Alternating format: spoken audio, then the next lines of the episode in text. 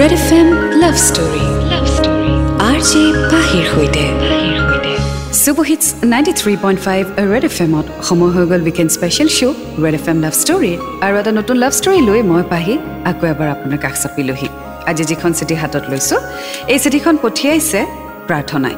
ষ্টৰীটিৰ নাম দিছে R V friends তাই লিখিছে মোৰ নাম প্ৰাৰ্থনা। মই আপোনাৰ লাভ ষ্টৰী শুনো আৰু বহুত বছৰ চিন্তাৰ পিছত মই মোৰ লাভ ষ্টৰীটো শ্বেয়াৰ কৰিব ওলাইছোঁ। মোৰ ষ্টৰীটো ইনকমপ্লিট আৰু বহুতো কুৱেশ্যনৰ আনচাৰ পাবলৈ থাকি গ'ল। বৰ্তমান মই জব কৰোঁ কিন্তু মোৰ লাভ ষ্টৰী আৰম্ভ হৈছিল স্কুলৰ দিনৰ পৰাই। আমি সাতজন খুব ভাল ফ্ৰেণ্ড আছিলোঁ। এতিয়াও ভাল ফ্ৰেণ্ডছ বা জবৰ কাৰণে বেছি কণ্টেক্টত থাকিব নোৱাৰোঁ আৰু মেক্সিমামৰ বিয়াও হ'ল ছেটেলো হ'ল।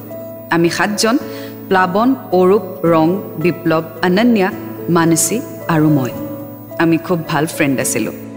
এটা ষ্ট্ৰং আনব্ৰেকেবল গ্ৰুপ আমি মেক্সিমাম টাইম একেলগে আছিলোঁ। টিউশ্যন একেলগে কলেজ একেলগে গৈছিলোঁ বাংক একেলগে মাৰিছিলোঁ। আমাৰ প্ৰত্যেকৰ ঘৰত জানিছিলে আমাৰ ফ্ৰেণ্ডশ্বিপৰ কথা। স্কুলত চব ঠিকেই আছিলে। কলেজ পাওঁতেহে লাহে লাহে ফ্ৰেণ্ডশ্বিপৰ ডেফিনেশ্যন সলনি হ'বলৈ ধৰিলে। চ' আজি আমি শুনি গৈ থাকিম প্ৰাৰ্থনাৰ love story are we friends red F M বজাতে ৰহো red F M love story R J পাহিৰ সৈতে শ্ব' চলি আছে weekend special red F M love story মই আছোঁ আপোনাৰ সৈতে পাহি আজি আমি শুনি আছোঁ প্ৰাৰ্থনাৰ ষ্টৰী আৰ উই ফ্ৰেণ্ডছ আগলৈ তেওঁ লিখিছে স্কুল অ'ভাৰ হোৱাৰ পিছত আমি সাতজন একে কলেজত এডমিশ্যন ল'লোঁ এণ্ড ছেইম ছাবজেক্টছ কলেজত টিচাৰ্ছেও জানিছিল এবাউট আৱাৰ ফ্ৰেণ্ডশ্বিপ কলেজত আমি বেলেগ কলেজৰ ল'ৰা ছোৱালীও লগ পাইছিলোঁ আৰু তেতিয়াই মই ৰঙৰ বিহেভিয়াৰত অকণমান চেঞ্জ পাইছিলোঁ। এবাৰ এজন ছিনিয়ৰে মোক মাতি নি কথা পাতিছিলে।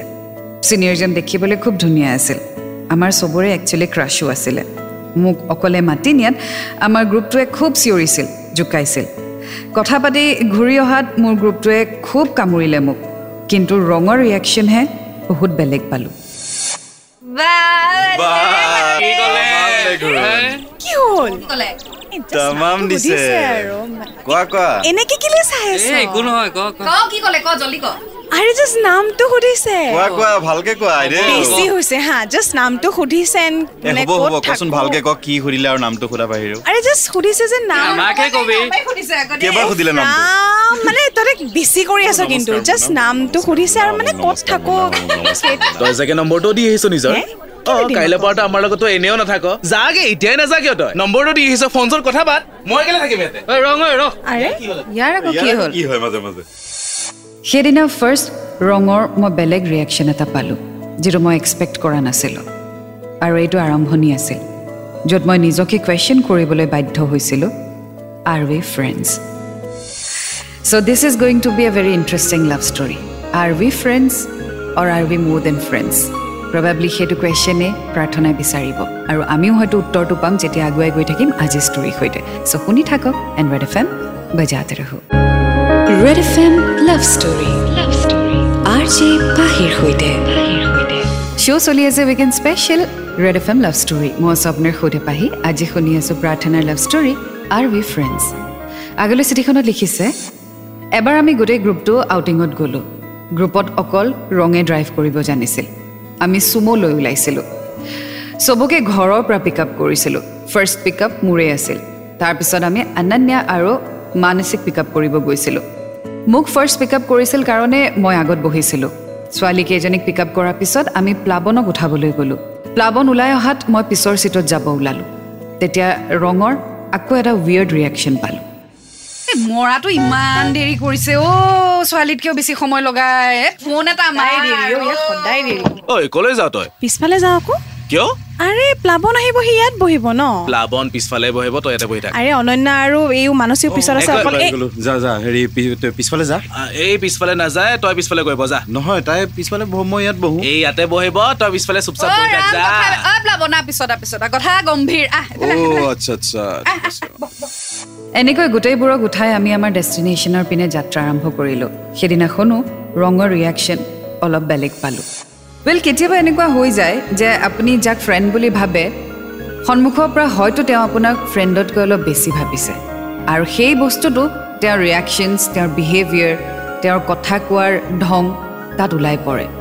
এতিয়া ৰঙে খুলিও কোৱা নাই কিন্তু ক'ৰবাত নহয় ক'ৰবাত কিবা এটাতো আছে যিটো হয়তো তেওঁ এক্সপ্ৰেছ কৰিব পৰা নাই। আৰু সেইটো কাৰণে তেওঁৰ একশ্যনছ আৰু তেওঁৰ ৱৰ্ডছত ওলাই পৰিছে। এতিয়া আগলৈ কি হয় জানিবলৈ আজি ষ্টৰিটি শুনি থাকক। এণ্ড্ৰইড এফ এম বজাতে ৰহো। Red F M love story love story R J পাহিৰ সৈতে। Super hits ninety three point five red F এমত মৌচাবনে সোধে পাহি।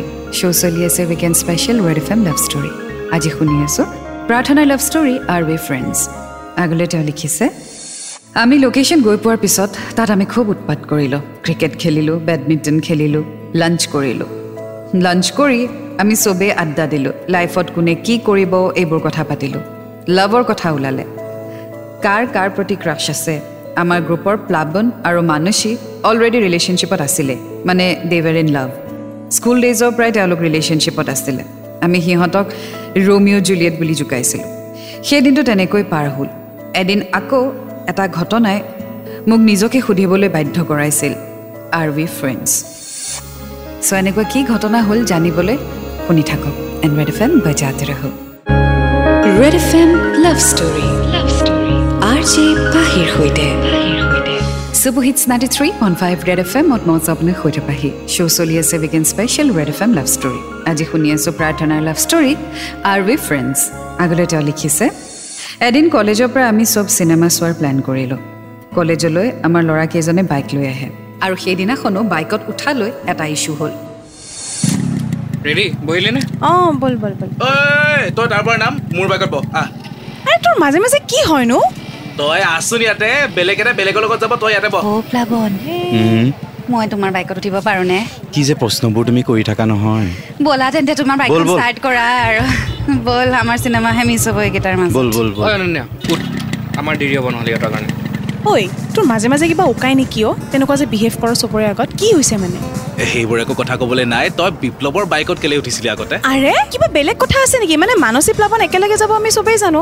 তো মই তোৰ লগত যাওঁ বিপ্লৱৰ লগত যাওঁ কি মেটাৰ কৰে? মানে মই বুজি নাই পোৱা। মোৰ কাৰণে এইটো মেটাৰ কৰে। তই সেইটো বুজি নাপাবি। আৰে কথা নাই বতৰা নাই তই চবৰে আগত তেনেকৈ কেতিয়াবা মানে জকি উঠ তই। জাননে কেনেকৈ বিহেভ কৰ? দে হ'ব দে চিনেমা দেৰি হৈছে আমি যাওঁগে ব'ল। ব'ল। নাজানো পাহি ৰঙে মাজে মাজে এনেকুৱা কিয় কৰিছিল। মোক খুব কনফিউজ কৰিছিল তাৰ বিহেভিয়াৰে আৰু সেই কথাটো লাহে লাহে আমাৰ গ্ৰুপেও ন'টিছ কৰিছিল। তাৰ বিহেভিয়াৰ মোৰ প্ৰতি যে বেলেগ হৈ যায় কিছুমান চিটুৱেশ্যনত সেইটো চবেই ন'টিছ কৰিছিল। ৱেল যেতিয়া একেলগে থকা একেলগে পঢ়া শুনা কৰা একেলগে খেলা লগৰ ল'ৰাৰ মাজত কেতিয়াবা এটা ডিফাৰেঞ্চ আহি যায় বিশেষকৈ বিহেভিয়াৰত সেইটো চবেই ন'টিছ কৰে। কাৰণ যাৰ লগত আমি আটাইতকৈ বেছি সময় স্পেণ্ড কৰোঁ দিনটোৰ বেছিভাগ সময় স্পেণ্ড কৰোঁ সেই মানুহজন বা মানুহজনীৰ যেতিয়া চেঞ্জেছ আহি যায় বিহেভিয়াৰত ডেফিনেটলি সেইটো আনে ন'টিছ কৰিব। আৰু যদি আপুনি ভাল ফ্ৰেণ্ড হয় তেতিয়াহ'লেতো ন'টিছ কৰিবই চবে। আৰু সেইকাৰণে হয়তো এই সাতজনীয়া গ্ৰুপৰ চবেই ন'টিছ কৰিছিল যে ৰঙৰ বিহেভিয়াৰ সলনি হৈ যায় প্ৰাৰ্থনাৰ বাবে। কিন্তু ৰঙেহে চাগে নিজেই ন'টিছ কৰিব পৰা নাই। চ' পাৰিবনে? জানিবলৈ শুনি থাকক আজি story and red F M বজাতে ৰহো। Red F M love story love story R J পাহিৰ সৈতে। Super hits ninety three point five red F এমত মই আছোঁ আপোনাৰ সৈতে পাহি। শ্ব' চলি আছে weekend special red F M love story আজি শুনি আছোঁ আমি। প্ৰাৰ্থনাৰ love story are we friends আগলৈ তেওঁ লিখিছে এবাৰ বাঢ়ি মোৰ টিউশ্যন ক্লাছ আহি পাওঁতে অলপ দেৰি হ'ল। মই আহি পোৱাত ৰুম সোমাওঁতে অৰূপ ৰং আৰু বিপ্লৱে কথা পতা শুনিলোঁ আৰু মই দুৱাৰ মুখতেই ৰৈ দিলোঁ। চা ভাই তই মাজে মাজে বেলেগ হৈ যাওঁ দেই। কেতিয়ানো কি বেলেগ হ'ল কি কৈ আছ তই? এই সেইদিনা যে প্ৰাৰ্থনাৰ লগত মনত আছে? একো হোৱা নাই বদলা কি পাগলা হৈছ নেকি বে তই? তই কি এ, তই ভাল পাৱ নেকি প্ৰাৰ্থনাক? এইবোৰ কি কথা কৈছ বে উই আৰ জাষ্ট ফ্ৰেণ্ডছ তহঁতেও ভালকে জান বে অঁ ঠিক আছে তেতিয়াহ'লে আমি ভাল ল'ৰা এটা চাই দিওঁ প্ৰাৰ্থনাৰ কাৰণে। ঐ ঐ ঐ সেইবোৰ কৰিলে কিন্তু তোক এতিয়া কাটি পেলাম কিন্তু কৈ দিছো। কিয়? এতিয়া কিয়? এতিয়া কিয় মানে কি? উই আৰ জাষ্ট ফ্ৰেণ্ডছ তোক কিমান বাৰ কওঁ বে চা তই ভাল পাওঁ তাইক তই একচেপ্ট কৰ। চা ভাল তহঁতকো পাওঁ তাইকো পাওঁ একেলগে উই এ ফ্ৰেণ্ডছ বে ফ্ৰেণ্ডছৰ মিনিং এটা থাকে সেইটো তহঁতে বুজি নাপাবি দে হ'ব আৰু কামোৰ কেলে দি আছ? বাৰু ঠিক আছে তেতিয়াহ'লে কিন্তু প্ৰাৰ্থনাই যদি বেলেগ কোনোবা ল'ৰাক ভাল পায় তেতিয়া। কি কৰিছ তহঁতে?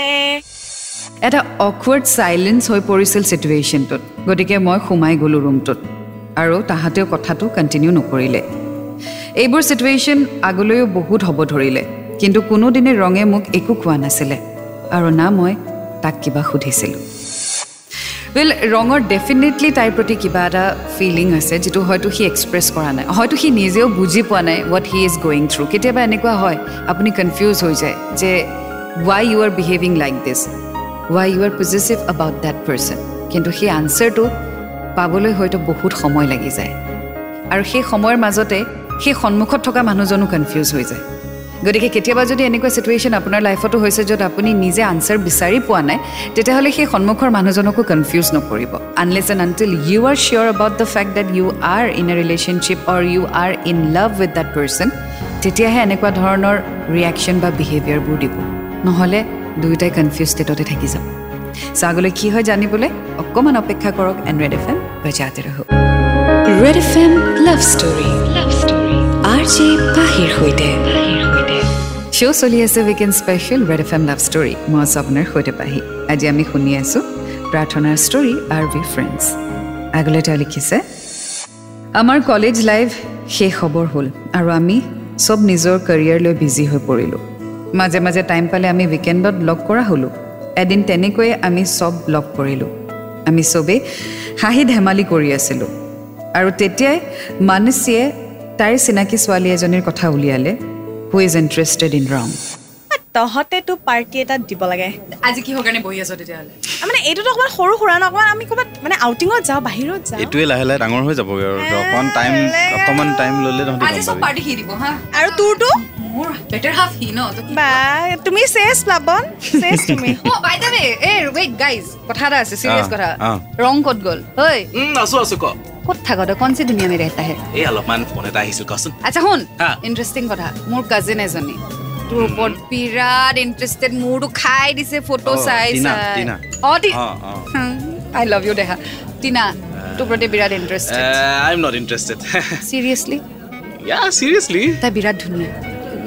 নালাগে। তই কি বিয়া নাপাত? পাতিম লাহেকে। সময় আছে সেইটোৰ কাৰণে ন। গোটেই জীৱন চিংগল হৈ থাকিম বুলি ভাবিছ নেকি? নাই নাই পাতিম। কেতিয়াবা নহ'লে কেতিয়াবা পাতিম দে। মাতিবিনে আমাৰ অফক'ৰ্চ মাতিম হা মাতিমে। তেতিয়াহ'লে অৰা হৰা। শুনিছা? সি অ। বিয়া বিয়া পাতিম বুলি কৈছে। চ' মই আৰু তুমিতো যামেই। আৰু বিপ্লৱ তুমি সেই যে মোবাইলত চেনিটো যে খাই আছা বিপ্লৱতো পুৰা এংগেজ এংগেজ সি নো- নকয় বাৰু। চ' সিও আহিব আৰু প্ৰাৰ্থনাও নিজৰ হাজবেণ্ডক লৈ আহিব তেতিয়াহ'লে ন? প্ৰাৰ্থনাই কেলে হাজবেণ্ড আনিব? মানে প্ৰাৰ্থনা কি বিয়া নাপাতিম? তাই কি মানে ছিংগল সদায় ছিংগল হৈ থাকিব নেকি ছিংগল নহয় তাই বিয়া কেলে পাতিব? আকৌ একেখিনি কথাকে ইমান দিনৰ মূৰত লগ পাইছো। কি এইবোৰ বাদ দে। মানে এতিয়া পাৰ্টি কৰিব আহিছো পাৰ্টি কৰ। আকৌ সেই আগৰ ছেম অল্ড কথা মানে বাপৰে বাপ baby, please. American corner. উম, আহা বেবী আহা। তাকে মই সেইটোৱে চিন্তা কৰি আছিলো বাৰু। পেৰেলেলি সেইটো অৰ্ডাৰটো দি থ'ব লাগিব তাৰপিছত এইবিলাক চলি থাকিব। দাদা। Order, এ, হ'ব, হ'ব। কথাটো মই তাতেই তল পেলাই দিলোঁ। আমি ডিনাৰ কৰি মেলি চব যাব ওলালোঁ। ৰঙে মোক ড্ৰপ কৰিবলৈ গৈছিল আৰু গাড়ীত আকৌ সি মোক কনফিউজ কৰিলে। ঐ প্ৰাৰ্থনা। হা ক। তোৰ বয়ফ্ৰেণ্ড আছে নেকি? যদি আছে বুলি কওঁ। তোৰ বয়ফ্ৰেণ্ডটো ৰাখিব নোৱাৰ সেইটো চিধা চিধি কথা ভাই। অ' ৰিয়েলি য়েছ ৰিয়েলি কথা মতে মই চলিম? চলিবই লাগিব ইটছ মাই অৰ্ডাৰ ব্ৰ তই ৰজা নেকি হা? নিজকে কি বুলি ভাব তই? যি বুলি নাভাবো কিয় কিন্তু তই বয়ফ্ৰেণ্ড ৰাখিব নোৱাৰ বিয়া পাতিব নোৱাৰ। শুন শুন শুন। আগতে ন তই নিজে অলপমান মানে তই কি ভাবি আছ তোৰ মূৰত কি চলি আছে সেইটোক লৈ অকণমান তই মানে এটা চিয়ৰিটি এটা আন দেই। মানে তই নিজকে সোধ লাইক আৰ উই ফ্ৰেণ্ডছ নে আৰু কিবা বেলেগ? And then come to me মোৰ লগত কথা পাতিবি। এনেকৈ এইবোৰ মানে এই যি টি কথাবোৰ কৈ নাথাকিবি। ৱেল আল্টিমেটলি প্ৰাৰ্থনাই কুৱেশ্যনটো সুধিয়ে দিলে। ৱেল এণ্ড ইটছ অবভিয়াছ তাই নিজেও চিয়'ৰ নহয় যে ৰঙে কি বিচাৰিছে বা ৰঙৰ মনত কি চলি আছে। আৰু এনেকৈ দুয়োটাই এটা দুমোজাত থকাটো ঠিক নহয়। Because it's about life it's about love and also' it's about career so' ৰঙে বাৰু উত্তৰটো দিব পাৰিবনে? জানিবলৈ শুনি থাকক আজি story the and red F M বাজাতে ৰহ red F M love story love story R J পাহিৰ সৈতে। Super hits ninety three point five red F এমত মই আছোঁ আপোনাৰ সৈতে পাহি। শ্ব' চলি আছে weekend special red F M love story আজি শুনি আছোঁ প্ৰাৰ্থনাৰ ষ্টৰি আৰ উই ফ্ৰেণ্ডছ আগলৈ তেওঁ লিখিছে সেয়াই আছিলে আমাৰ লাষ্ট কনভাৰ্চেশ্যন মোৰ আৰু ৰঙৰ। তাৰপিছত আমি চব ভাগ হৈ গ'লোঁ। চাকৰি সূত্ৰে জবৰ সূত্ৰে চব বেলেগ বেলেগ পজিশ্যন আৰু বেলেগ বেলেগ চিটিত ছেটেল হৈ পৰিলে। ৰং বৰ্তমান বেংগলোৰত আৰু মই দেলহিত প্লাৱন আৰু মানসীৰ বিয়াও হ'ল। অৰূপ আৰু বিপ্লৱ গুৱাহাটীতেই ছেটেল আৰু অনন্যা বৰ্তমান পুনেত। মাজে মাজে আমি কনফাৰেঞ্চত চবেই কথা পাতোঁ। আমাৰ হোৱাটছএপ গ্ৰুপ এটাও আছে তাতো আমি কথা পাতোঁ।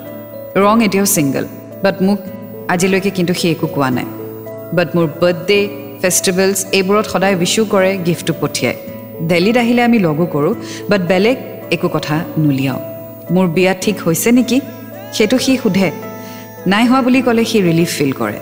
বাট নিজৰ ফালৰ পৰা একো নকয়। So' I just want to ask him through this story are we friends this is my story it's not a love story but it's my story আৰু লাভ ষ্টৰি হ'বনে নাই সেইটোও নাজানো।